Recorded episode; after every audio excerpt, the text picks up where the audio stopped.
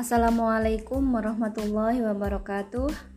Bagaimana kabar semuanya? Semoga semuanya di rumah masing-masing, di tempat masing-masing dalam kondisi yang sehat walafiat.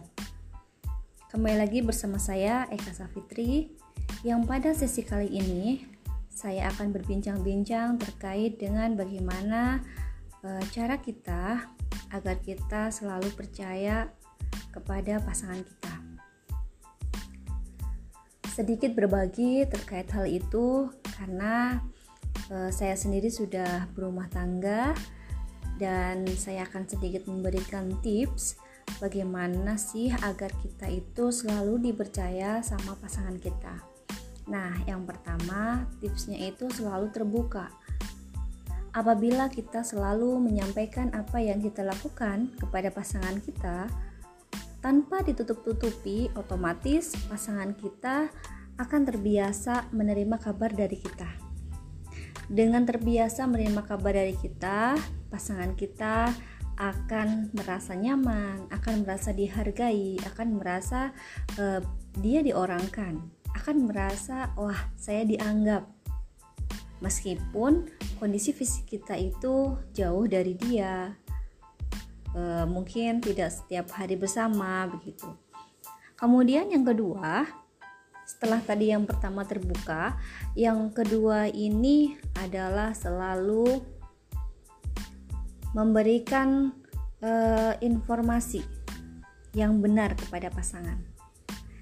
Selain terbuka, kita juga e, dibiasakan selalu memberikan informasi apa pun yang kita lakukan, apa pun yang kita kerjakan, di mana saja, kapan saja, dengan siapa, jujur saja kepada pasangan kita.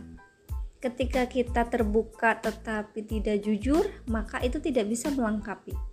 Tetapi ketika kita terbuka dan terbukanya itu juga harus disertai dengan kejujuran kita. Tidak ada yang ditutup-tutupi jadi, anggap pasangan kita adalah diri kita sendiri. Bahwa dia berhak untuk mengetahui apa yang kita lakukan, dia juga berhak untuk mengetahui apa yang memang menjadi kendala diri kita. Jadi, anggap dia adalah uh, kalau bisa dibilang itu satu paket dengan kita.